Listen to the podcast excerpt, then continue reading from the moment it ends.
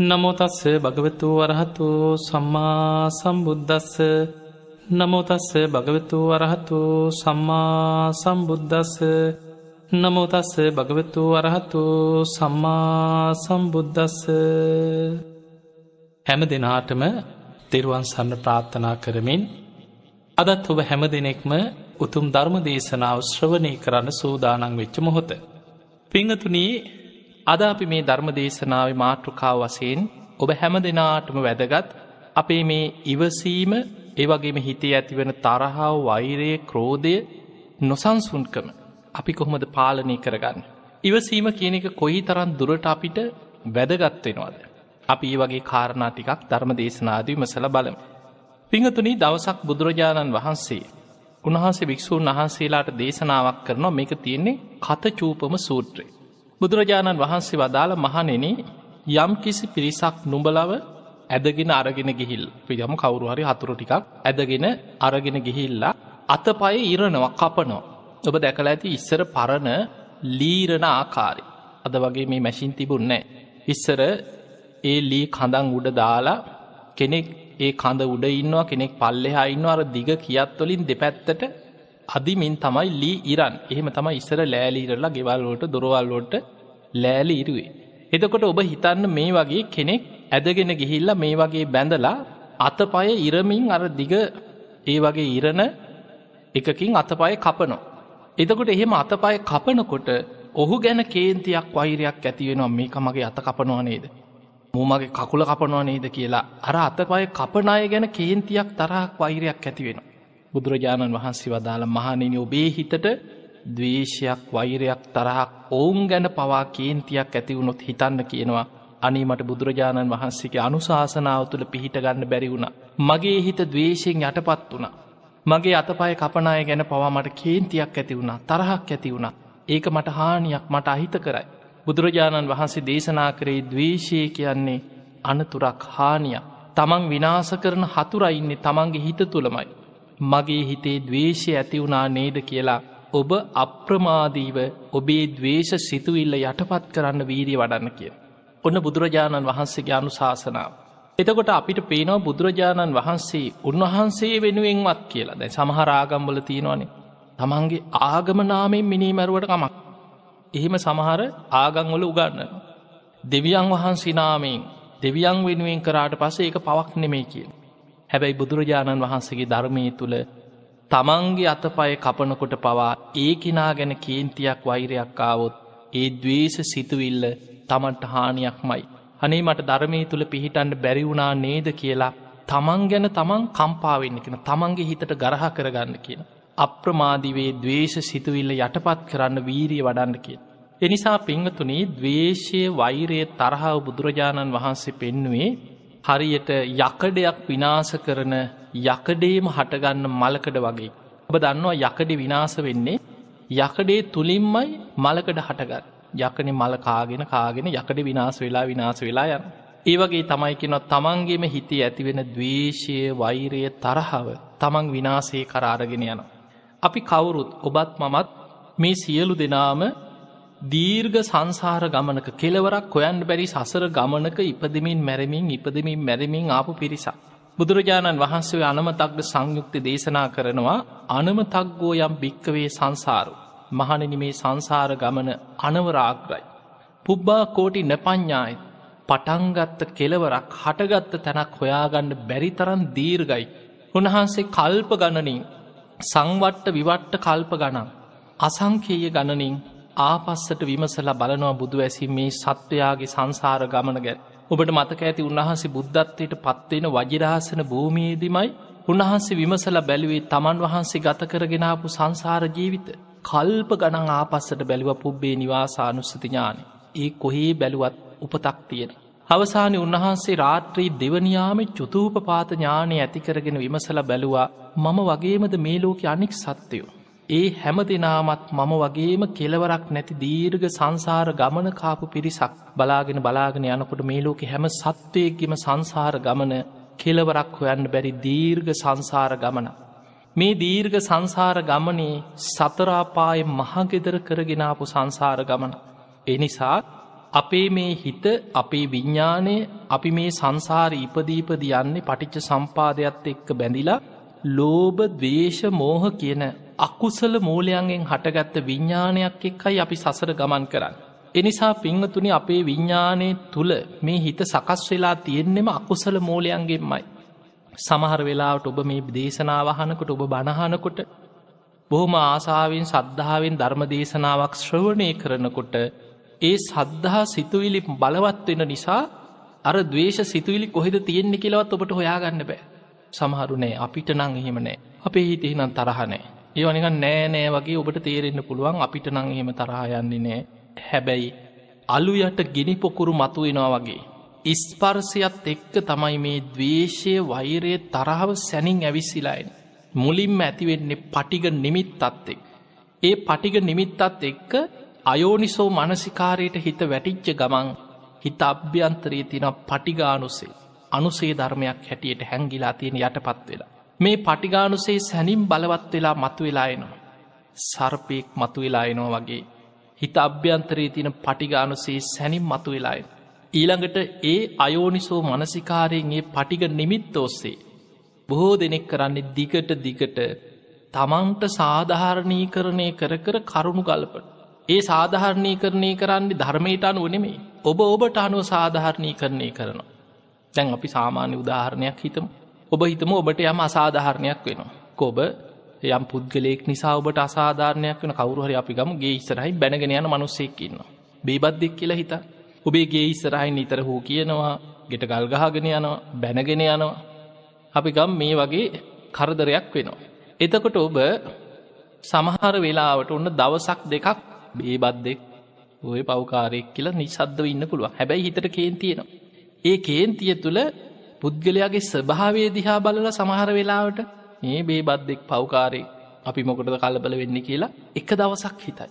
ඊළඟ දවසෙත් ඔබට කෑගහගෙන බැනගෙන යනවන දැන්ගන්න ඔබට ඒ පටිග නිමිත්තක් තින නිමිත්ත තමයි ඔබේගේ ඉස්සරහයි බැනගෙන යන. ඒ තුළ දැංගව බයෝනිසෝ මනසිකාරයට වැටෙනවා. අපිට මොකටද ඉවසන්නේ. අන්න අයෝනිසෝ මනසිකාරය මූට පාඩමක් උගන්නන්න ඕනේ.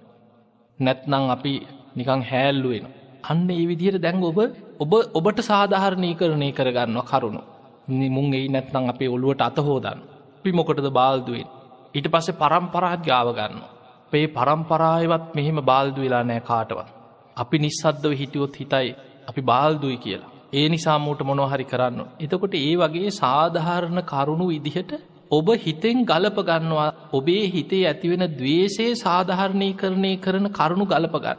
ගලපගෙන ඔබ ඊට සමහර වෙලාට ප්‍රතිචාර දක්වන්න යන්නේ වැරදි ක්‍රමවලින් වෙන්න පුළුවන්. ඔබ නීතියා රටේ නීතියක් තියෙන.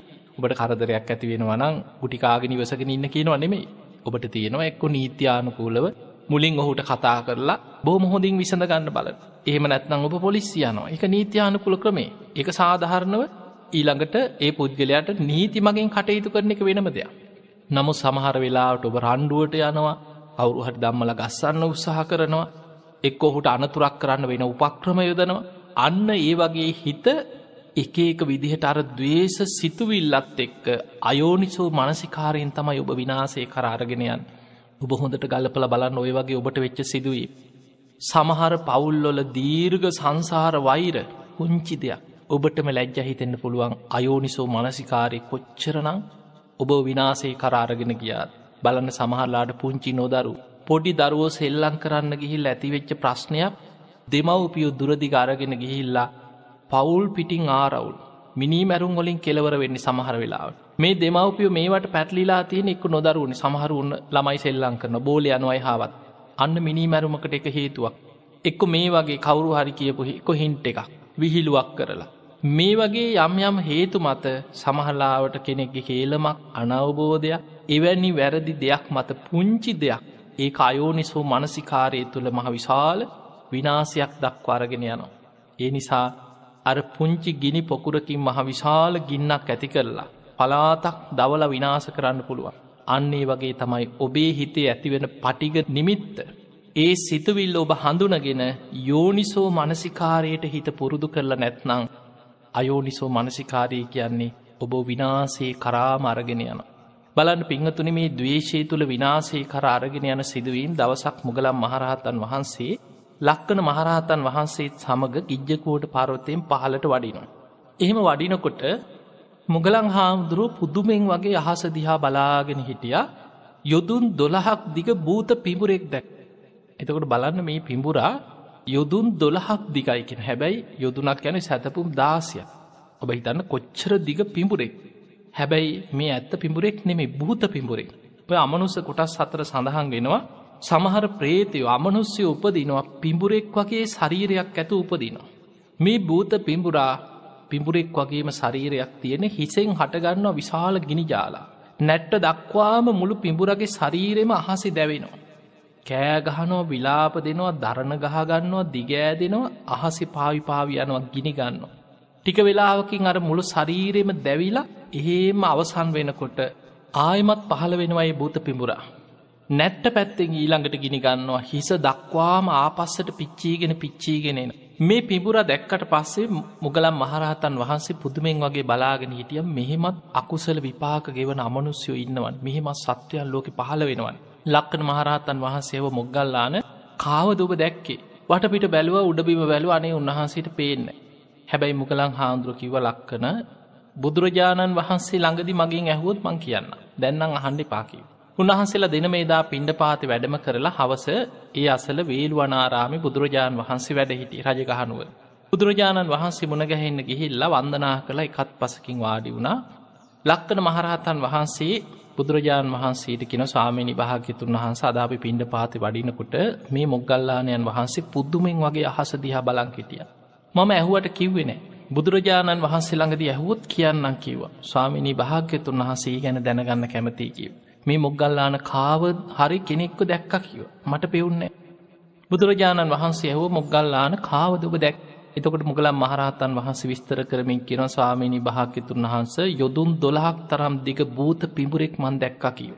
හිසේ ඉදන් නැට්ට දක්වාම ගිනි ජාලාවකින් දැවෙනවා. කෑගහනවා විලාප දෙනවා දරණ ගහගන්නවා අහසේම ගිනි ගන්නවා. මුළු ශරීරෙම ගිනිගෙන අවසන් වෙනකොට ආයමත් පහළ වෙනවා. නැට්ට ඉඳං හිස දක්වා ආපස්සට ගින්නෙන් දැවෙනවා. මෙන්න මේ වගේ පුදුම අමනුස්සෙක් මන් දැක්කයිකි. එතකොට බුදුරජාණන් වහන්සේ වදාළ මොග්ගල්ලාන ඔයිට කලින් තතාගතයන් වහන්සේ ඔය අමනුස්්‍යය ඔය විදිහටම දැක්ක කිව. කියල බුදුරජාණන් වහන්සේ වදාළ නමුත් තතාගතයන් වහන්සේට එදා සාක්ෂිකාරයෙක් හිටිය නෑ ඉරදිමත් කෙනෙක් හිටිය නෑ එක දකින්න. ඒ නිසා තතාගතයන් වහන්සේ දැක්කත් මේ වෙනකං කාටවත් ඒ ගැන දේශනා කරේන නමුත් මට දැන් සාකිකාරෙක්කි නොමේ මුක්ගල්ලානයන් වහන්සේ දැකළ. බුදුරජාණන් වහන්සේ ඒම නම් මහනින් ඔහුගේ අතීත කතාව දේශනා කරනවා කියලා අතීත කතාවක් දේශනා කර. ඔන්න බලන්න මේක මේ දවේශයත් එක්ක මේ අයෝනිසෝ මනසිකාරයත් එක්ක. පුද්ගලයෙක් විනාසේ කරා යන ආකාරය ඔබට හොඳට තේරුම් ගන්න පුළුවන් සිදුවීම. බුදුරජාණන් වහන්සේ වදාලා කාශ්‍යප බුදුරජාණන් වහන්සේගේ කාලේ එකැන මේ මහා බද්ධ කල්පේ තුන්ගනි බුදුරජාණන් වහන්සේ කකු සඳ කෝනාගමන කාශ්‍යප. කාශ්‍යප බුදුරජාණන් වහන්සේගේ කාලේ සුමංගල කියල සිටුවරෙක් හිටිය කිය. මේ සුමංගල සිටුවරයා අපේ බුද්ධ ශාසනය එදා අනාත් පිණ්ඩික සිටුතුමා වගේ බෝධි සත්ව ගුණ ඇති පාරමී පුරාගෙන යන මහා පින්වන්ත කෙනෙ. ඔහු බුදුරජාණන් වහන්සේ වෙනුවෙන් ආරාමයක් කරවලා එදා බුදුරජාණන් වහන්සේට සුගන්ධ කුටියක් කරවලා සඳුන් ලීයෙන් සුගන්ධ කුටියක් කරලා බුදුරජාණන් වහන්සේට පූජා කර. මේ සුමංගල සිටුවරය උදේ දවල් හවස මේ කුටිය වතාවත් කරන්න සේවකයෝ එක්ක හැමදාම තමන්ගේ සිටු මැදුරෙන් ආරාමිට් යනවා. ගිහිල්ල කුටිය වටේ අතුගානවා කොලෑහිඳිනවා කුටිය වටේ ප්‍රදක්ෂිනා කරලා වන්දනා කරනවා කුටිය සුද්ධ පවිට්ට කරනවා උදේ දවල් හවස කුටියෙන් තොර අර ආරාම පූජාවෙන් තොර ජීවිතයක් නෑ. බොහොම සද්ධාවෙන් කුටිය වතාවත් කර කර හිටිය. දවසක් සිටුවරය සේවකයෝ පිරිසක් එක දවල් යනකොට මේ කුටිය වතාවත් කරන්න නගරි දොරටුව ළඟ මනුස්සේ ඔල්ලුව ඉදම් පොරෝගෙන නිදි. ඒ වෙලාවේ සිටුවරය නිකං ඔහු දැක්කට පස්සේ ඔහුට කියවුණා මේ නං පෑතිස්සේ ඇවිදින දවල් නිදියන කෙනෙක් බලාපල්ලක මේ ඔළුවේ දම් පොරෝගෙන් නිදාගෙනින් හැටි මේ මහ දවල් කියලා කිව ඔච්චරයි මේ රෑතිස්සේ ඇවිදින දවල් නිදියන කෙනෙක් පාටයි මේ මහ දවල් ඔළුවේ දම් පොරෝගෙන් නිදිකී වෙච්චරයි මේක කියනකොටම නිදාගෙන ඔළුව වහගෙන හිටියා පාර්ට ඔළුව ඇරල බැලු මොකාද මං ගැන එහෙම කිවේ. බලනකොට සුමංගල සිටුවරයා බොහොම බලවත් සිටුවරෙක් හැබැයි සේවකයෝ පිරිසක් එක්ක තනියෙන් යනවත් නෙමේ. කේන්ති ආවත් ඔළුව වහගත්තා දැන් හිතෙන් පුපුරනවා මං ගැන මේකයි එහෙම කීවනේද කියලා දැන් කේන්තියෙන් පුපුර පුපුර හිටිය. සිටුවරය එදා කුටිය වතාවත් කරලා ගියා දැන් ඇත්තටම මේ හොරේ ක්‍රෑතිස්සේ හොරක්ක මේ යනවා. දවල්ට අඳුන ගනී කියලා ඔළුව වහගෙන් නිදාගන්නවා නගරි දොරටුව ළඟට වෙලා. දැන් රාත්‍රීකේ දැන් අන්න අයෝනිසෝ මනසිකාරය ස්භාව. දැන් අර සිටුවරයක් කියපු පුංචි වචනේ. හැබැයි මේ වචනය ඔස්සේ දැන් හිත්තලා හිතලා හිතලා සමහරුන්ට පුංචි දෙයක් ඇති. ඒ තුළ අයෝනිසෝ මනසිකාරය යෙදිලා ඒක ගලේ කෙටුව වගේ. සමහරු මැරෙනකං ඒ ඔස්සේම දවේශයෙන් වෛරෙන් පැටලි පැටලි යනයින්න එදා හිතුවා සුමංගල සිටුවරයගෙන් පලිගන්න ඕන. මට මෙහෙම කතාවක් කිව්වා. දැන් හිතලා රාත්‍රී මොකද කරේ? සිටුවරයට අයිති හේනකට පැනලා හේනක් ගිනි තිබ්බරය අන්න සිටුවරයගෙන් පලිගන්න කරපු දේ තමයි රෑගිහිලා සිටුවරයාගේ හේන ගිනි තිබ උදේ පාන්දර සිටුවරයට ආරංචි වුණා කවුදෝ කෙනෙක් හේන ගිනි තියලා. සිටුවරයක් ගිහිම් බැලුව හේනම ගිනි අරගෙන. හැබැයි සිටුවරය කීවා කලබල වෙන්නේ පා කියෝ. ඔය කමක් නෑ. යා කරගත්තද යාගෙනයයි උඹල ආයමත් හේන මගා කර පල්ල කියලා හේන බලාගන්න අයට උපදෙස් දීල සිටුවරය ගිය. සිටුවරයට එක ගානක් කියන හොඳට ඉවසීමක් තියෙන ඉවසීම පුරුදු කරගත්ත බෝධි සත්ව ගුණ ඇති සිටුවරේ දැන් පලිගන්න මේක කරාට විමසලා බැලුව සිටුවරයා නිකං කම්පා වනාද සිටුවරයක් දුක්කුණාද බැලින්නම් එහෙම පාටකුත් නෑ දෙවනි වතාවත් ආයි දවස් කීපයකට පස්සේ සිටුවරයාගේ තවත් හේනක් ගෙනතිබ. එදත් සිටුවරය බලලා සේවකයන්ට කිව්වා ඔය කලින් කෙනාම වෙන්න ඇති. ඒ නිසා කලබල වෙන්න එපා ඔය හේන ආපහු වගා කරන්න යා කරගත්ත දෙයා ගෙනියයි. තුන්වෙනි වතාවත් හේනක් ගෙන තිබ්බා. ඔය වගේ පස් වතාවක්ම සිටුවරයාගේ හේන් ගිනි තිබ්බා. හේන් ගිනි තියල ගිනි තියල බැලුව සිටුවරයට මේකෙන් දුකක් වේදනාවක් ඇති වෙනවා. දැස් කෙනෙක්ගේ දේපල විනාස කරන්නේ ඔහුගෙන් පලිගන්න දැම් බලන්න ඔබ සමහර පුද්ගලයන් ගැන වෛරයක් ඇතිවුණාට පස්සේ දේපල විනාස කන සමහරු රජයත් එක්ක වෛර බැන්දට පස්සේ. කො තියෙන සමහල්ලාවට පොදු දේපලක් විනාස කන ඔබ දැක සමහරු එක්ක බස්ගිනි තියෙනවා එක්ක තියෙන ලයිට්ඒකට හරි ගහගෙන යනවා ඒ මට්ටමට මන සාඥාන දේවල්වට පෙළඹෙනවා සමහරුන්ගේ සමන්ට ඇතිවන කේන්තිය සමහරලාවට කිසි වැඩකට නැති බාහිර දේවල් වලින් ඒක පිට කරනු. අවසානි දැම් මේ හිතලා හිතලා බැලුව සිටුවරයාගෙන් පලිගන්න ඕන. එහෙම හිතලා පහුවදා දැන් හේන් ගිනි තිබ කීප වතාවක් වැඩි හරියන්න නැති පාටයි. සිටුවරයාගේ ගව පට්ටි කීපයක් තිබ්බ. එක ගව පට්ටියකට රෑ පැන්න පිහියක් කරගෙන. පැනලා ගවයෝ කීප දෙනෙකුට පිහියෙන් ඇනගෙන ඇනගෙන ගිය ඇනල ගියාය දැම් බලන්න මේ දවේශ සිතුවිල්ලත් එක තමන් කොච්චට පැටලි පැටලි අකුසල්ලොලට යනවද. උදේ පාන්දර සිටුවරයට ආරංචි වුණා ගව පට්ටිය ගවයන්ට කවුද කෙනෙක් පිහියෙන් ඇල්ල. සිටුවරයා දුවගෙන ඇවිල බැලුවා ගවයන්ගේ කකුල්ලොල ශරීරෙ තුවාල පිහිපාරව. එක්මනට කිව වෙද මහත්තුරු ගෙනහලා බෙහෙත් බන්ධන්න කියව මේ සත්තුන්. හැබැයි සිටුවර ඒක පස්සේ ලෝන පාටක් නෑ හැබැයි මේකත් මදි වගේ දැන් අර දවේශය වෛරය මත හිතුවා මේකනම් මති සිටුවරයට හොඳටම දැනන්න දෙන්න ඕන.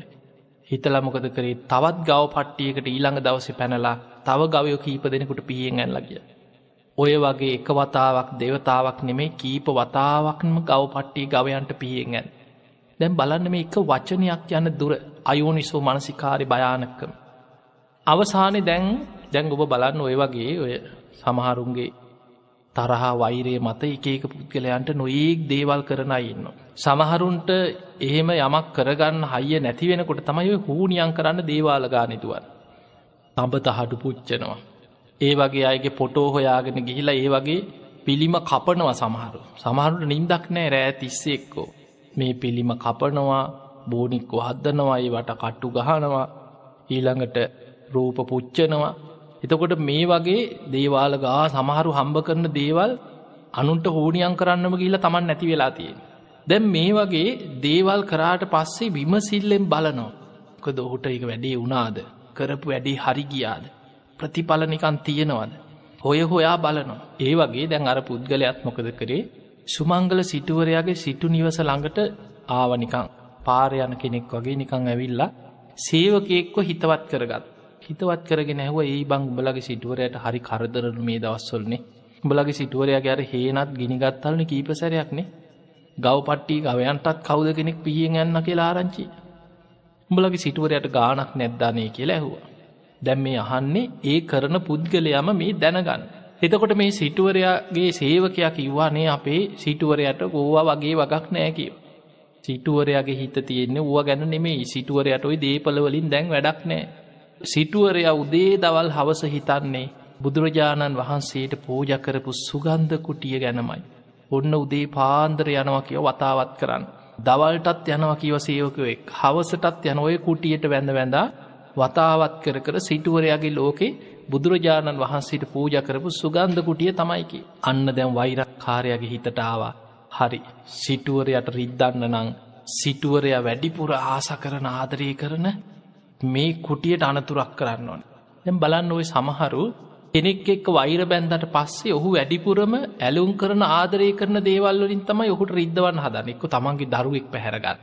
එක්කො ළමයට අනතුරක් කරන එක්කො ළමය උස්සනවා. ඔය වගේ දේවල්න කරන්න. එක්කෝ දේපොලක් ගිනි තියෙන මොනෝ හරි ඒ මොක දර පුද්ගලයට රිදවන්න. එදකොට මේ වගේ මේ පවකාරය මොකද කරේ සිටෝරයාගෙන් පලිගන්න දැන් හිතුවා හිතලා එදා රාත්‍රී හැංගිලා හිටිය කාශ්‍යප බුදුරජාණන් වහන්සේ වස් පවාරණය කළ සඟ පිරිස පිරිවරාගෙන චාරිකාය වැඩම කරපු දවස. එදා රාත්‍රී ගිහිල්ලා අර සුගන්ධ කුටිය ගිනි තිබ්බා. මේ සඳුන් ලියෙන් කරපු සුගන්ධ කුටිය ගිනිගත් සම්පූර්ණෙම දැවිල අලුවෙලා ගියා උදේ පාන්දර මිනිස්සු හඬා වැලපෙමින් මේ පිරිලා ඉතිරිලාගයා මිනිස්සු. දැ මිනිස්සු හඬා වැලපෙන අනේ කෞද මේ පෞකාරය මේ කුටිය ගිනිතියල කවුරු හරි පෞකාරය. සුමංගල සිටුවරයටත් උදේම ආරංචි වුණ. සිටුවරයක් දුවගෙන දුවගෙන ගියා සේවකයොත්තෙක්. දැන් අර හඬන වැලපෙන මිනිස්සු අතර නිගම් පුද්දුමෙන් වගේ මේ කරපු පවකාරයක් ඉන්න. සිටුවරයක් දුවගෙනාව පිරිසත් එක් ඇවිල්ල බැලුවා. තමන් පූජා කරපු තමන් උදේ දවල් හවස වතාවත් කරපු මේ කුටිය කවුද ගිනි තියලා. දැන් හිතන්න දවේශයෙන් වෛරය උපාදාන කරගෙන ජීවත්තෙ. හිතේ දමනයක් නැති අයෝනිසෝ මනසිකාරයත් එක්ක ජීවත්වෙන කෙනෙක් නං. අන්න වෙන කෙනෙක් නං හිතන්නේ කෞුද මේක කරේ. මූට මොකක් හරිවයක් කරන්න ඕනේ. මේක නං ඉවසන්න හොඳ නෑ. අන්න එහෙමයි සාමාන්‍ය කෙනා හිතන් හැබැයි සුමංගල සිටුවරය අයිතන් ටැවිල්ලා සිටුවරය කල්පනා කරා හනේ මට තවත් කුටියක් හදල පූජ කරන්න අවස්ථාවක් මේ ලැබිලති මං බුදුරජාණන් වහන්සේ වෙනුවෙන් බොහොම සද්ධාවෙන් මේ සුගන්ධ කුටිය හදල පූජ කරේ. මම තවත් කුටියක් මෙතන හදනවා කියලා සතුටෙන් සාධකාර දුන්න සිටුවරයක් තුන් වතාවක්. මිනිස්සුත් බැලුව පුදුමෙන් වගේ මේ මොකද. සිටුවරය ඔබ නේද මේ කුටිය පූජ කරේ. ඔබ පූජාකරපු කුටිය ඔබ බොහොම සද්ධාවෙන් නිතර වතාවත් පවා කරානේද. ඔබේ කුටියට නේද මේ කවුද ගිනි තියලතියෙන්. ඇයි ඔබ සාධු කාරදින ඇයි ඔබ සතුටු වෙන්න කියලැහු. එතකොට සුමංගල සිටුවරයක් කියනවා පින්වත මගේ පින කාටවත් ගින්නෙන් විනාස කරන්න බෑකිව. මම තමයි මේ කුටිය පූජ කරේ. නමුත් මගේ පින ගිනි තියල කාටවත් විනාස කරන්න පුළුවන්කමක් නෑ. මම එදා බුදුරජාණන් වහන්සේට මේ කුටිය රන් කෙන්ඩියෙන් පැංවක් කරලා මේ භූමියත් පූජ කරපු දවසි මං විශාල් පිනක් රැස් කරගත්. ඒ තමයි මගේ ජීවිතේ මන් රැස් කරගත්ත විශාල්ම පින. නමුත් කවුදෝ කෙනෙක්ගේ කුටියට ගෙන තිබ්බා. හැබැයි මට තවත් කුටියක් හදන්න වාසනාව ලැබුණා. මං මේ භූමියේම බුදුරජාණන් වහන්සේ චාරිකාය වැඩම කරලා වඩින්න පෙර මෙතන මීටත් වඩා ලස්සන සුගන්ධ කුටියක් හදනවා මම තවත් වතාවක් කුටි පූජාවක් ආරාම පූජාවක් සිදු කරගන්නවා අනේසාදු අනේසාදු මට තවත් පින්කමක් කරගන්න වාසනාව ලැබුණා කියලා සිටුවරය සතුටුන. අන්න බලන්න බෝධි සත්වර හිතන හැ. ඒක තමයි පිංහතුනි යෝනිසෝ මනසිකාරය කියත්. ධර්මයට අනුකූලව හිතන ක්‍රමය හැබැයි අයෝනිසෝ මනසිකාරයේ දෙන කෙනානං හිතන්නේ මොට මොකක් හරි කරන්න ඕන. මේක ඉවසල හරියන්න ශාසනය වෙනුවෙන් හරි මූ වගේ එකගේ පලිගන්න ඕන. සමහරලාට ශාසනය වෙනුවෙන් කියලා දවේශයේ සාධාරණී කරණය කරන්න හදන. හැබැයි මේ වෙලාවේ සිටුවරයා හිතුවේ මට තවත් පිනක් කරගන්න අවස්ථාව ලැබුණ. අර කරපු පුද්ගලයා කවුද ඔහුගෙන් පලිගන්න ඕනේ වහිතුවෙනේ. දැන් සුමංගල සිටුවරයා සේවකයොත් එක් එකතු වෙලා එතන බොහොම ලස්සන සුගන්ධ කුටියක් හැදු. අර විදිහම සුගන්ධ කුටියක් එතන සකස් කර. මේ කුටිය හදල අවසන් වේගෙන එනකොට වස් අවසන් වෙලා චාරිකා වැඩම කරපු බුදුරජාණන් වහන්සේ සඟ පිරිස පිරිවරාගෙන ආයමත් මේ ආරාමිට වඩිනෝ. එදා බුදුරජාණන් වහන්සේ වඩින දවස වෙනකොට විශාල පිරිසක් රැස් වෙලා හිටිය. පිළිගන්න. හැබැයි මේ කුටිය හදන දිනවලත් මේ පෞකාරයා දැන් හේන්ගිනි තිබ්බා සත්තුන්ට පිහියෙන් ඇන්න. බුදුරජාණන් වහන්සේ වැඩ හිටිය කුටියගෙන තිබ මේ එකකින්වත් ඇඩක් නෑ. අවසාහරය කල්පනා කරා සිටුවරයට රිද්දන්න නං මේ දේපොල ගිනි තියලා හරියන්න සිටුවරයටම යම් අනතුරක් කරන්න ඕන කියලා පිහියක් අරගෙන සිටුවරය පස්සේ කැරකි කැරකි හිටිය තනිවෙන වෙලාවක් බලබල් හැබැයි සුමංගල සිටුවරයක් නිතර සේවකයෝ එක්කම ගමම්බිමන් යන නිසා ඒ අවස්ථාවක් උදාවුන්නේ ඔය අතරේ කුටිය හදල අවසන් වනා බුදුරජාණන් වහන්සේ සඟ පිරිස පිරිවරාගෙන කාශ්‍යප බුදුරජාණන් වහන්සේ එදා වැඩිය. වඩින දවස් සිටුවරයා රං කෙන්ඩියකින් පැන් අරගෙන බලාගෙන හිටි අලුතෙන් හදපු කුටිය සඟ සතු කරල පූජ කරන්න. එදා බුදුරජාණන් වහන්සේ වැඩම කරපු වෙලාවේ ආයමත් සාධකාරදීල මේ කුටිය බුදුරජාණන් වහන්සේගේ ශ්‍රී හස්තයට පැන්වක් කරලා ඒ භූමියත් කුටියත් බුද්ධ ප්‍රමුඛ සංඝයාට නැවත වතාවක් පූජා කර. එහෙම පූජ කරලා සිටුවරයක් කියන ස්වාමීණී භාග්‍යතුන් වහන්ස කවුදෝ කෙනෙක් මගේ හේනට නැවත නැවත ගිනි තියලා තිබ්බ කීප වතාව. ඒ වගේ මයි මගේ ගව පට්ටිය ගවයන්ට පිහියෙන් ඇල්ල තිබ්බකිව කීප වතාව. ඒ පුද්ගලයාම විය යුතුයි මේ සුගන්ධ කුටියටත් ගිනි තියන්න ඇත්. ස්වාමීණී භාග්‍යතුන් වහන්ස මං ඔහුට අනුකම්පා කරනවා. ඔහු නිසා මට තවත් වතාවක් බුදු කෙනෙකුට කුටියක් හදල පූජා කරගන්න ලැබුණ. මං මේ රැස් කරගන්න පින මං ඔහුටම අනුමෝදං කරනවා කියලා සුමංගල සිටුවරයා ඒ වෙලාවෙ සාදු කියලා තමන් රැස්කරගත්ත පිනෙන් කොටසක් අර පෞකාරය සිහි කළ අනුමෝදං කර අනේ ඔහු සුවපත්තේ ඔහුගේ හිතේ දවේශ සිතුවිලි සංසිදේවා. ඔහුට යහපතක් වේවා කියලා පින් දෙනකොට සිටුවරයට දෙන්නෙත් තුන් දෙනෙගේ පිටි පස්සෙන් පිහිය තියාගෙන ඉන්න මේ පෞකාර. ඔහුට දරාගන්න බැරි වුණා සුමංගල සිටුවරය මොනතරං ගුණහපත් කෙනෙක්ද. අර පිරිසාතරෙන් ඉස්සරහට ඇවිල්ල වැඳ වැටුණ. හනේ සිටුවරය මට සමාවෙන්නේ කියව. මමයි කිව මේ අපරාධ ඔක්කොම කර අනේ මට සමාවෙන්න කියෝ. සිටුවරයා බැලුව ඔහු අඳුරන්නෙත් නෑ දන්නෙත් නැති කෙනෙක් දැකලත් නෑ වගේ. සිටුව රැහු මංගු බාඳුරන්න ඇය ඔබ මට මෙච්චර වෛර කරන්නේ. එතකොට කිව්ව දවසක් මං ඔල්ුව ඉනම් පොරෝගෙන් නිදාගෙන ඉන්නකොට නගරි දොරටුව ළඟ එදා ඔබ සේවකයෝ එක් එතනින් යනගමන් කියාගෙන ගියා මේ පුද්ගලයානං රෑතිස්සේ ඇවිදින දවල් නිදාගන්න කෙනෙක් මට ඒකට කේන්ති ගියා කිව. ඒ ඇතිවෙච්ච කේන්තිය නිසා තමයික මම මේ ඔක්කුම වැඩ කරේ අනේ මට සමාවෙන්න කියව. සුමංගල සිටුවරයාගේ ගුණහපත්කම සිටුවරයා කියනවා මට මතකනෑ මං එහෙම දෙයක් කිව්වද කියලා. මං එදා එහෙම දෙයක් කිව්වනම් මට සමාවෙන්නේ කිව. එතකොට මේ පෞකාරයක්කින වනේ නෑ මමයි මේ අපරාධ ඔක්කොම කරේ ඔබ මහා ගුණහපත් කෙනෙක් මට සමාව දෙන්න මම කැමතිීක මුළු ජීවිත කාලෙම ඔබළඟ දාසයෙක් වගේ ඔබට සේවය කරන්න. සිටුවරය සමාව දුන්න නමුත් ළඟට ගන්න වටිනමිනියෙක් නෙමේ සමාවදීලා පිටත් කර. එතකොට අපිට පේනවා අන්න බෝධි සත්වරුන්ගේ ස්වභාවේ. බුදුරජාණන් වහන්සේදා මුගලන් මහරහතන් වහන්සේටත් ලක්කන මහරහතන් වහන්සේ ඇතුළු සඟ පිරිස වැඩහිටියා ඔය අතීත කතාව අපේ ගෞතම් බුදුරජාණන් වහන්සේ දේශනා කරලා උන්වහන්සේ වදාළ මහනෙනේ එදාර සුමංගල සිටුවරයාගේ හේනට හත්වාරයක් ගිනි තිබ්බ. ගවයන්ට කීප වතාවක් ගවපට්ටියට මැල්ල පිහියෙන් ඇනපු. ඒ අකුසලේටත් වඩා බුදු කෙනෙක් වැඩහිටිය ඒ සුගන්ධ කුටියක් ගිනි තිබ්බ අකුසල විපාකෙන්. ඒ පුද්ගලයා මරණින් මත්තේ මහා නිරේටම වැටුණකි. අපායින් අපායිට වැටි වැටි බුද්ධාංකුරයක්. ආශ්‍යප බුදුරජාණන් වහන්සේ අපායට වැටිලා ගෞතම බුදුහාන්දුරුව පහළ වෙනකම් අපායෙන් අපායට වැටි වැටි බොහෝ කාලයක් අපායි දුක්වින් දකීව. ගෞතම් බුදුරජාණන් වහන්සේ පහළ වෙන කාලේ අපායේ ඒ අකුසලේ ගෙවල අපායින් චුත වෙලා තමයිකි ඔය භූත පිබුරෙක් වෙලා පහළ වුණේ. දැන් අහසේ පාවි පාවි යනවා යුදුන් දොළහක් දිග භූත පිඹුරෙක් ඉතිරි අකුසලේ ගෙවන්නේ ඔහොමයි. හිසෙන් හටගන්නවා විශාල ගිනිජාලාවක් නැට්ට දක්වාම ගිනිගන්න. නැට්ටෙන් හටගන්නවා විශාල ගිනිජාලාවක් හිස දක්වාම ගිනිගන්න. අහස්සෙම පිච්චෙනවා ආයමත් පහළ වෙනවා. දරණ ගහගන්නවා විලාප දෙනවා කෑගහනවා ගිනි දැල් මුළු ශරීරයම දවනෝ. අහසි පාවි පාවියනවා භූත පිඹුරේ. එතකොට අපිට පේනවා මේ දවේශය වෛරය තරහව කොයි තරන් දුරට තමන් විනාසය කරා සංසාරය අරගෙන යනවත්. සමහර වෙලාවට ඔබ හිතන්න ඔබ මේ සංසාර ගමනේ දවේශය නිසා කොච්චරනං අපායි වැටිල ඇද්ද. දවේශය නිසා කොච්චර නිරේ දුක්විද විද ඇවිල් ඇද්ද. දවේශය නිසා කොච්චර තිරිසං අපායි වැටිල ඇද. දවේශය නිසා කොච්චර ඔය වගේ භූත පිබුර වෙලා ප්‍රේතාත්ම ලබල අමනුස්්‍යය වෙලා යක්කු වෙලා දවේශය නිසා කොච්චරනං සතරාපායි දුක්විතල ඇද. ඊළඟට දවේශය නිසා හතුරන්ගෙන් පලිගන්න ගිහිල්ලා ඔබ කොච්චර සංසාරි මැරුම් කාල ඇද. පී ඇනුම් කාල ඇති පොළු පාරවල් කාල ඇති නොයේ ගුඩි බැට කාලා ඇති මැරුම් කාලා ඇති දවේශය නිසා මොන තරන්නම් මේ සංසාරයේ අපි දුකට පත්වෙලා අනතුරේ වැටිල ඇද. එනිසා පින්වතුනි ඉවසීම කියන එක බුදුරජාණන් වහන්සේ පෙන්න්න ඒක තමයි බුද්ධ ශාසනය තුළ උතුම්ම තපස කන්තිී පරමන් තපෝතිතික්කා.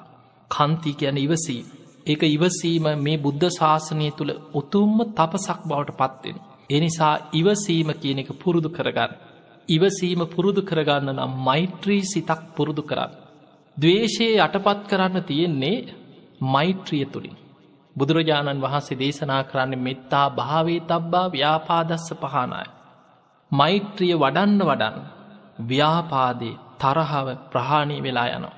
අපේ හිතේ තියෙන මේ තරහාව ගැටෙන ස්වභාව එකට එක කිරීම සමහරලාවට හිත විසිරෙන ගතිය හිතේ තියෙන පලිගන්න හිතෙන සිතුවිලි වෛර සිතුවිලි කේන්තියෑම ඔය මොන වචනයෙන් කීවත් හිතේ ඇතිවන මේ පටිග නිමිත්ති එක්ක හිතේ තියෙන පටිගානුසේ බලවත්වෙලා ඇතිවෙන ඔබ විනාසේ කර අරගෙන යන මේ දවේශ සිතුවිලි යටපත් කරගන්න නම් මෛත්‍රිය වඩන් මෙත්තා භාවේ තම් ව්‍යාපාදස්ස පහනායි ව්‍යාපාද යටපත්වෙන.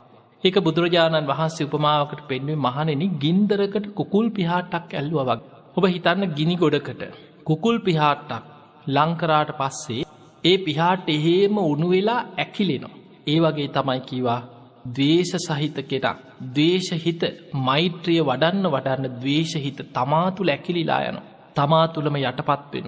ඒ නිසා මෛත්‍රී සිත වඩන්න දවේශහිත යටපත් කරගන්න නම් මෛත්‍රියම පුරුදු කරන්න. පිංහතුනි බුදුරජාණන් වහන්සේ අපිට පෙන්න්නනවා මේ ඔබ හිතන්න මේ ලෝකේ. අපි කවුරු සංසාර ගමන කෙන පිරිසක්.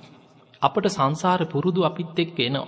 ඒ නිසා පෙර සංසාරය ඔබ මෛත්‍රී වඩපු අය හොඳට භාවනා කරපු අය ඇති හොඳට ඉවසීම පුරුදු කරගත්තා ඇත්. මේ මෛත්‍රිය කියන එක පාරමිතාවක් හැටියට සංසාරි ගමන් කරන ඔබත් ඉවසීමත් එහෙමයි කන්ති පාරමිතාව. ඒ ඉවසීම පාරමිතාවක් මෛත්‍රිය පාරමිතාව. එව සංසාරිකව හිත ඔබ පුරුදු කරගත්තොත් ඔබ පසු පස ඒ මෛත්‍රී සිතුවිලි ඒ ඉවසීමේ හැකියාව ඔබට සංසාරික ඔබේ පසු පස එනවා. ඒ නිසා සමහරය උපතින්ම මෛත්‍රී සහගත ඉවසීම බහුල පුද්ගලයෝ උපතින්ම අපිට දකින්න පුළුව. සමහරයින්නවා කවුරු මොන දේවල් කිව්වත් අනේ යා කරගන්න දයාගෙනයයි මං මොකටද මේ කවුරුත් නිසා මංගුව ගණන් ගන්නෑ කියලා කවුරු මොනවා කිව්වත් ඒක කලබල වෙන්නේ නැති එකට එක කරන්නේ නැති අය ඕන තරඟන්නවා. ඉවසීමෙන් හිත දමනය කරගන්නයින් එයා කරගන්න දයාගෙනයයි කිය. හැබැයි සමහර පුද්ගලෝ ඉන්නවා පුංචි දෙයක් ඇති වෛර බැඳගෙන තරහෙන් වෛරයෙන් කේන්තියෙන් නසන්න ඕනෑ වනසන්න ඕනෑ කියලා ඊළඟට ව්‍යාපාද හිංසා සිතුවිලි අනුන් විනාස කරන මට්ටමට හිත හැම වෙලාම දිගට දිගට පැටලි පැටලියනවා. බුදුරජාණන් වහන්සේ උපමා තුනක් පෙන්න්නනවා මේ සංසාර පුරුදු එක්ක හිතේ ස්වභාවේ. බුදුරජාණන් වහන්සේ වදාළ සමහර පුද්ගලයෝ ඉන්නවා ඒ අයගේ හිතේ ස්වභාවය ජලය ඇන්ද ඉරක් වගේ. හිතට තරහක් එන්න පුළුවන්. කේන්තියක් ඇතිවෙන්න පුළුවන්. අප්‍රිය අමනාප අරමුණක් ගැටෙන්න්න පුළුවන්. හැබැයි ඒ මොහොතේ දවේශ සිතුවිල්ලක් මතු වනත් දී ඇන්ද ඉරක් වගේ සැනින් යටපත් වෙලා යනවා. එහෙම සමහර පුද්ගලයෝ ඉන්න හැබැයි ඒ පෙර භාවනා කරපු අය. පෙර මෛත්‍රිය වඩපු අය. සමහර වෙලාට මෛත්‍රී භාවනා හොඳට වඩලා මෛත්‍රී දිහාන වඩලා බ්‍රහ්මලෝකවල ඉඳං ආපුවා ඉන්න පුළුවන්. දිවිය ලෝකවල බොහෝ කල් සැප සම්පත් විඳලා දිවිය සැපවිඳලා මෛත්‍රිය පුරුදු කරලා දෙව්ලොවින් චුත වෙලාපුවා ඉන්න පුළුව. එවැනි අයගේ සංසාර පුරුදු අනුව උපතිම්ම තරහ යන ස්වභාවය අඩුයි. ඒ අය හැම වෙලා එමමකද කෙලෙස් තියෙනවා සෝවාන් වෙලා සකදාගාමි වෙලා අනාගාමි වෙලා අනාගාමි වෙනකොට තමයි පටිගේ සංයෝජනයක් හැටියට සම්පූර්ණයම නැතිවෙන්. කාමරාග පටික කියන සංයෝජන නැතිවෙලා යන අනාගාමි වෙන තකං සුවාන් විච්ච කෙනාටත් ගැටෙන ස්භාව ඇති වෙන හැබැයි ඔහු අපායගාමි අකුසලේකට වැටෙන්නේ. ඔහුට හිතට තරාක් කේන්තියක් කාවත් සැනින් ඔහු ආදීනව මෙනෙහි කරලා යටපත් කරගන්න ආයතින් සංවරයට එනවා. ඔබ අපායගාමි අකුසලේකට වැටෙන්නේ. හැබැයි අනාගාමි වෙනකොට කේන්ති යන ස්වභාවය සංයෝජනයක් හැටියටම පටිගය නැතිවීම තුළ ඔහුට කොහොමත් කේන්ති යන ස්වභාවයක් නෑ. ඒ විදිහට ධර්මය අවබෝධ කරගන්න තෙක් හිතේ අනුසේ ධර්ම හැටියට ආශ්‍රව ධර්ම හැටියට කේන්ති යන ස්වභාව තියෙන්න්න පුළුවන්. හැබැයි අර සංසාර පුරුදු නිසා සමහර පුද්ගලයන්ට කේන්තියක් හිතට ඇති වුණත් ඔහු ඒ වෙලාම ධර්මය සිහි කරගන්න. ඒ වෙලාම එක්කො තමන් තමන්ට මෛත්‍රී වඩාගන්න වනේ මම සුවපත්තෙම්බා. මම නිදුක්වෙම්බා මම නිරෝගවෙම්මා මම සුවපත්තෙම්බා. මේ කවුරුන් නිසාමකරද මං පීඩාවිදින්න. මගේ හිතනේ ද අපිරි සිදුවෙන්නේ. බැරි වෙලාවත් මං මේ වෙලා මැරණුත් මං අපායයි නේද කියලා තමන්ම මෛත්‍රී වඩාගන්නවා තමන්ට. එතකොට ඒ වගේ තරහ සිතුවිල් ඇතිවෙන සැනින්ම සිහිය පිහිටවාගෙන යෝනිසෝ මනසිකාරයට හිත පවත්වගෙන ඒ දවේශී යටපත් කරගන්න දක්ෂයි බුදුරජාණන් වහන්සේ වදාලයා හරියට ජලය ඇන්ද ඉරක් වගේ කෙනෙ. ඊළඟට බුදුරජාණන් වහන්සේ වදාළ තවත් සමහර පුද්ගලයෝ ඉන්නවා ඒ අය උපමාවට පෙන්ව වැල්ලේ ඇන්ද ඉරක් වගේ. වැල්ලේ ඉරක් ඇන්දට පස්සේ ඒ ඉරත් දවසක් දෙකක් තුනක් හතරක් දවස් කීපයක් යනකොට මැකිලෑනු. වැල්ල අඳින ඉර හැමදාම තියෙන්නේ. ඒ වගේ සමහර පුද්ගලයෝ ඉන්නවා කේන්ති යනෝ තරහක් ඇති වෙන. හැබැයි ඒ කේන්තිය තරහව එක පාරට යටපත් කරගන්න බෑ සමහරුට දවසෙන් යටපත් කරගන්නත් බෑ. ඒ මොහොතේ අයෝනිසෝ මනසිකාරයට වැටෙනවා. හැබැයි දවසක් දෙකක් තුනක් යනකොට ආයි තමන්ට හිතෙනවා මංමොකටද මේ කවුරුත් නිසා කුසල් කරගන්න. යා කරගන්න දෙයාගෙනයයි. මගේ හිතමනේ ද අපිරි සිදුවෙන්නේ. මංමොකට දනුන්ට වෛර කරන්න. මේ වගේ අනුන්ට වෛර කර කර මැරිලා මමනේ දපා යන්නේ. එහෙම හිතන්න පුළුවන් හැකියාව එනවා දවසක් දෙකක් තුනක් යනකොට. ඒ මොහොතෙම එක කරගන්න බෑයාට.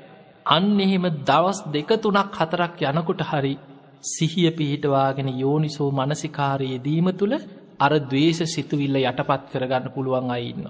ඒ කෙනාටත් උත්සාහයක් වීරයක් ගත්තොත් හිත වඩාගන්න පුළුවන් හිත දියුණු කරගන්න පුළුවන්. බුදුරජාණන් වහන්සේ කෙනා උපමා කරේ හරියට වැල්ලේ ඇන්ද ඉරක් වගේ. හැබැයි මේ ලෝකෙ තවත් කොටසක් ඉන්නවා දවේශය උපාදාන කරගන්න. දවේශයම අනුභව කරගන්න. ඒ දවේශයම පැටලි පැටලි යන මරණ මංචකේ දක්වාමත් ඒ දවේශ සිතුවිල්ලම හිත හිතා ජීවත්තේ. ඒ අයි බුදුහාන්දුරු පෙන්වේ මහනෙනේ ගලේ කෙටු ඉරහා සමානයක උපමාවකට පෙන්ුවේ ගලේ ඉරක් කෙටුව වගේ. සමහරුන්ට කේන්ති ගියාට පස්සේ. යම් පුංචි දෙයක්. ඔය කවරුහරිකින අන්න ඔයාට අරය බයින ඇහුණ. මෙන්න මෙහෙම බැන්න. ඒ වගේ කවරුහරිගපු කේලමක් වෙන්න පුළුව එක්කො කවුරු හරි කියපු දෙයක් සමහලාට හරියට හොයන්නෙත් නැතුව එන්න පුළ කොටෝම කලින් කේන්තියන් සමහරුන්ට කේන්ති ගියාට පස්සේ තමන් ඉන්න තැන අමතකෙන් සමාර මරාගෙන මැරෙන්න්න ඕන කියන. අපාය ගියත් කමක්න සමහරුන්ට අපායත් කැමති වෙනවා සමහරු. එතකොට ඒ වගේ සමහරුන්ට මං හිරේ පට්ටාව ගියක් කමන්නෑ කියෙන් මට අපාය හොඳයි කියෙන් මුන්ගෙන් පලිගෙන අපාය ගියත් මට කමක් නෑ කිය. අන්න යා ආදීනවේටත් බය නැති වෙනවා. එහෙම කෙනා ඕනැම අපරාධයක් කරන්න සමහරලාවට සැලසුම් කර කර ජීවිත කාලිම ඒ එල්ලි එල්ලි යනවා. ඔබ දැකල ඇති සමහර පුද්ගලයෝ. ඒ වෛර සංසාර වෛර බවට අරගෙන යනවා. ඒකයි බුදුරජාණන් වහන්සේ වදාලි ගලේ කෙටු ඉරහා සමානයි කිය. ගලේ කෙටුවට පස්සේ දිගට දිගට දිගට ඒක අවුරුදු සිය දහස් ගනම් ඔබ දැකල ඇති සමහර සෙල්ලිපි තියෙනවා රජවරු කොටපු සෙල්ලිපි. අවුරුදු දහස් ගනම් තාමත් තියෙන ඒ වගේ තමයි සමහර පුද්ගලයන්ගේ වෛර කේන්ති. අවුරුදු දස දහස් ගනම් ආත්මින් ආත්මිට යන සංසාර වෛර බවට පත්වෙන ඔබහල ඇති අර කාලි යක්ෂණගේ කතාව. ආත්ම පන්සීයක සංසාර වෛරය එතකොට ඒ වගේ ආත්මගත වෛර බවට පත්වෙන ඔබහල ඇති සේරිවානිජ කතාවේ අපේ බෝසතාණන් වහන්සේට අර දේවදත්ත වෛර බැන්ද සිදුවීම. එදා කදාවලලු වෙලින්දනේ අපේ බෝසතාණන් වහන්සේ. උන්වහන්සේදා සාධාරණ වෙළදාමක් කරේ. අර රන්තැලියට බොරු කිව්වෙනෑ රැවැට්ටුවෙනෑ. රන්තැලියට ඇත්තම කතාවක මේක මහා වටිනා රන්තැලියක්. අනේ මගේ ළඟ තියෙන වෙළදාම් කරපු සල්ලි ටික මෙන්න මෙච්චරයි කියලා තියෙන සල්ලි ටික ඔක්කොම දුන්න. කදාවලු ටික ඔක්කොම දුන්න. කීපයක් ඉල්ු එකයි දෙක ඉල්ලුවේ. නමුත් තිබ්බ කදාවලු ඔක්කොම දුන්න. කදාවලලු ටික සියල්ල දීලා ප්‍රන්තැලියත් දීලා ඇත්තම කතාව කියලා සාධාරණ වෙළදාමක් කළ පිටත් වෙලා ගිය. හැබැයි අසාධාරණ වෙළෙන්දා පස්සෙන් ආව පස්සේ ඇවිල්ල බලනකොට රන්තැලි අරගෙන ඇවිල්ල කලින් ආපු වෙළෙන්ද. කලින්ම ඇවිල්ල මේ අසාධාරණ වෙළෙන්ද මේක වැඩක් නෑ කියලා විසි කළ දාලාගිය නිකංගෙනිය. හැබැයි තමන්ට අහිමි වුනා කියලා දැනගත්තා පස්සෙන් පන්නගෙන ගිය එදා අපේ බෝසතාණන් වහන්සේ ගඟෙන් එතර වෙලා වඩිනෝ. ගං ඉවරට ඇවිල්ල කෑග හොයි රන්තැලි අයිති මට ඕක මට දීපං කියෝ. අවසානයේ සාප කරමන් සංසාරි උඹේ පස්සෙන් එනවකි. ආවා බොහෝ ආත්ම භාවල මේ සංසාර වෛරක්කාරයක් පලිගත්තා. ඒ වෛර කියන්නේ සංසාරි මුණගැහෙන මුණගැහෙන ආත්මවල සංසාර වෛර මතු වෙලායනවා. ඒක තමයි මේ වෛරි භයාන අපි යන්නේ සංසාර ගමනක. දවේශය වෛරයේ හිතේ තියාගෙන මැරුණොත් සමහර වෙලාවට සුගතියක යන්න මැරිල අපි හිතමු සර්පයෙක් වෙලා ඉපදුනා කියලා. අර තමන් වෛර බැඳගත්ත පුද්ගලයා මුණ ගැහුණොත් පන්න පන්හරි දෂ්ට කරනවා ඊට පස්සේ. සමහර වෙලාට වෛර බැඳගෙන මැරිලා යකෙක් වෙලා උපදින. ඒ යකෙක් වෙලා ඉපදුනාට පස්සේ තමන්ගේ අර හතුරුකංකරපු පුද්ගලයෝ හොයාගෙන යනෝ පලිගන්න එක තමයි සංසාර ස්වභාවේ දිගට දිගට ආත්මෙන් ආත්මෙ මුණ ගැහෙන මුණ ගැහෙන ආත්මෝල පලිගන්න බලන් දේවදත්ත බුදුනාට පස්සෙත් අපේ බෝසතාණන් වහන්සේගේ පස්සෙන් අර වෛරයාව උන්වහන්සේගේ ගුණ කොච්චර දැක්කත්. උන්වහන්සේ මොනතරම් ප්‍රාතිහාර පානුවත් යමා මහ පෙළහර පානවා. දෙව් බමුන් උන්වහන්සේට වන්දනා කරනවා. මහා පිරිස මැද්දෙ බුදුරජාණන් වහන්සේ සිංහනාද පවත්වනවා. දහම් දෙසනොයි බණහල බොහෝ දෙෙන දමනය වෙන හැබැයි මේ කොච්චර පිරිස බුදුරජාණන් වහන්සේගේ ගුණ කිව්වත් ඉරිසියාකාරයට වෛරක්කාරයට ඇතිවුණේ තව තවත් සංසාර වෛරය ස්භාව අර ගලේ කෙටුව වගේ අවසානය සංගබේදය කරන්න සැලසුම් හැදුව.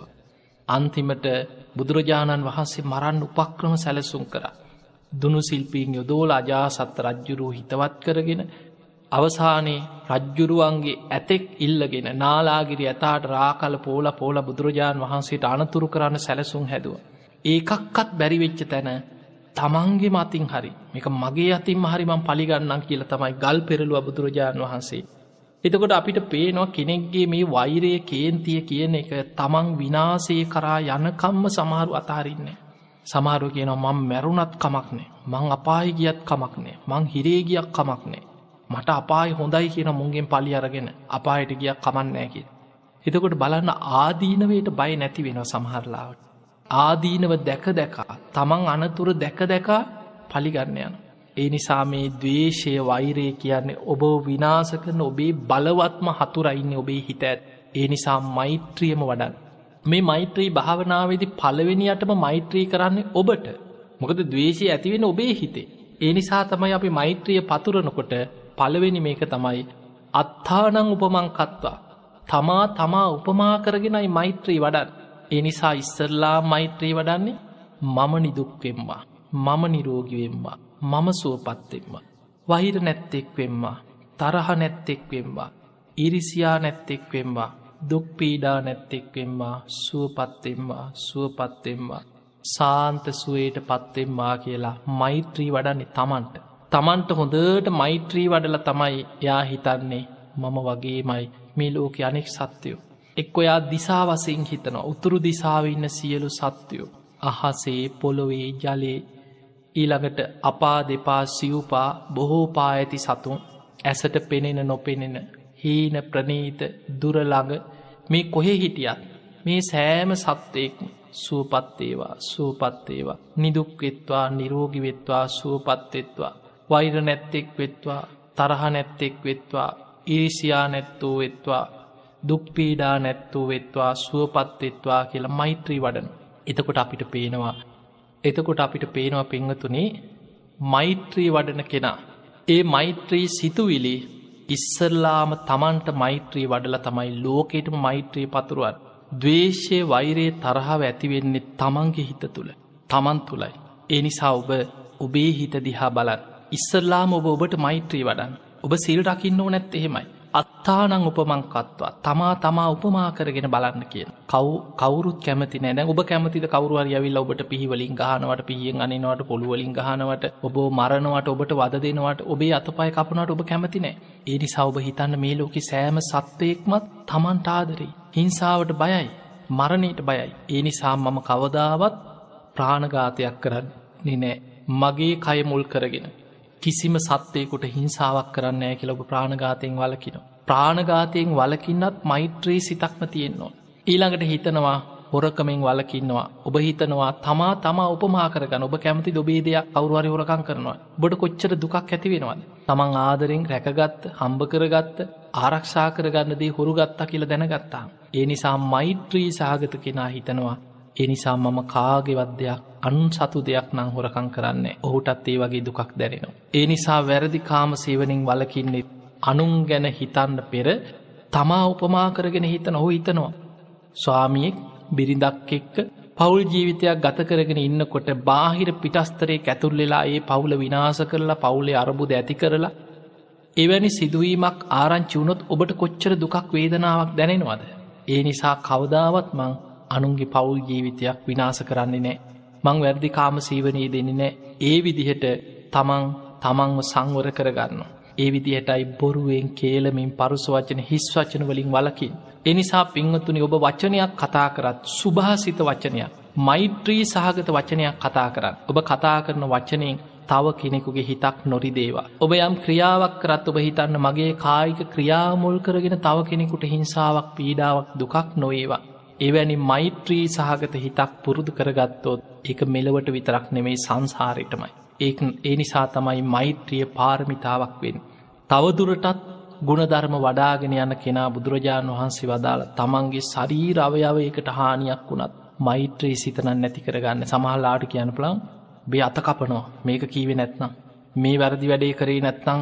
එක්කුඹේ ඇහැක් ගලෝනු හැබැයි යා හිතනොන්නෑ මගේ අතපාය කැප්පුවත් මන්නං මේ වැරදි වැඩේ කරන්නේ නෑමයි කියලා ඔබ ඔබේ ගුණධර්ම රැකගන්න ඒ විදිහට ඉවසීම කරුණාව මෛත්‍රිය දියුණු කරගත්ත කෙනා මෛත්‍රී උපපාරමිතාව පුරුදු කරගන්න කෙනෙ.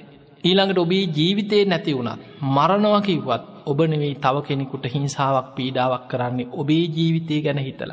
ඒ නිසා ඒ විදිහට මෛත්‍රී පරමත්ත පාරමිතාව පුරුදු කරගත් මේ ගුණධර්ම පාරමී හැටියට උපපාරමී හැටියට පරමත්ත පාරමිය.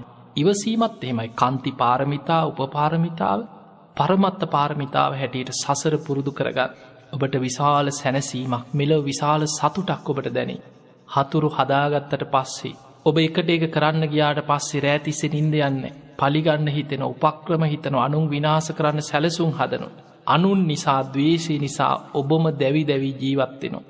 ඒ නිසා මෛත්‍රිය වඩන්න මෙලවස් සතුටක් සැනසීමක් ඔබට ඉවසීම කරුණාව කියන්නේ ඔබ තුළ දියුණු කරගත්තොත් බුදුරජාණන් වහන්සේ වදාලේ බ්‍රහ්මයෙක් වගේ. මෙත්තා කරුණා මුදිතා උපෙක්හා වටනවා කියැනි සතර බ්‍රහ්ම විහරණ. සාන්ත හිතක් ඇතුව සැනසීල ජීවත්වෙන්න පුළුව. ඒ පිණිස ඔබ හැම දෙනාටම මේ උතුම් ධර්ම දේශනාවෙන්ම ඔබේ ජීවිතයට ඇතිකරගත්ත දහම් අවවාදම උපකාර වේවා වේවා වේවා කියලපි ඔබට ආශිර්වාද ප්‍රාර්ථනා කරනවා. එමනම් පිංහතුටි ධර්මශ්‍රවටින් ඔබ රැස් කරගත්ත සියලුපින්. සියලු දෙවියෝ සාධකාරදිදි අනුමෝදන් වෙත්වා. දෙවියන්ගේ දිව්‍යසයිසුරු වර්ධනය කරගෙන සියලු දෙවියෝතුම් නිවනටම පත්වේවා කියල සාදු කියල දෙවියන්ට පින් දෙන්න. ඒ සියලු දෙවියන්ගේ පිහිට රැකවරණ ආශිර්වාදේ. ඔබ හැම දෙනාටමත් ලක්වාසී ලුවාසී හැම දෙනාටමත් සැලසේවා කියලපි ආශිර්වාද කරනවා.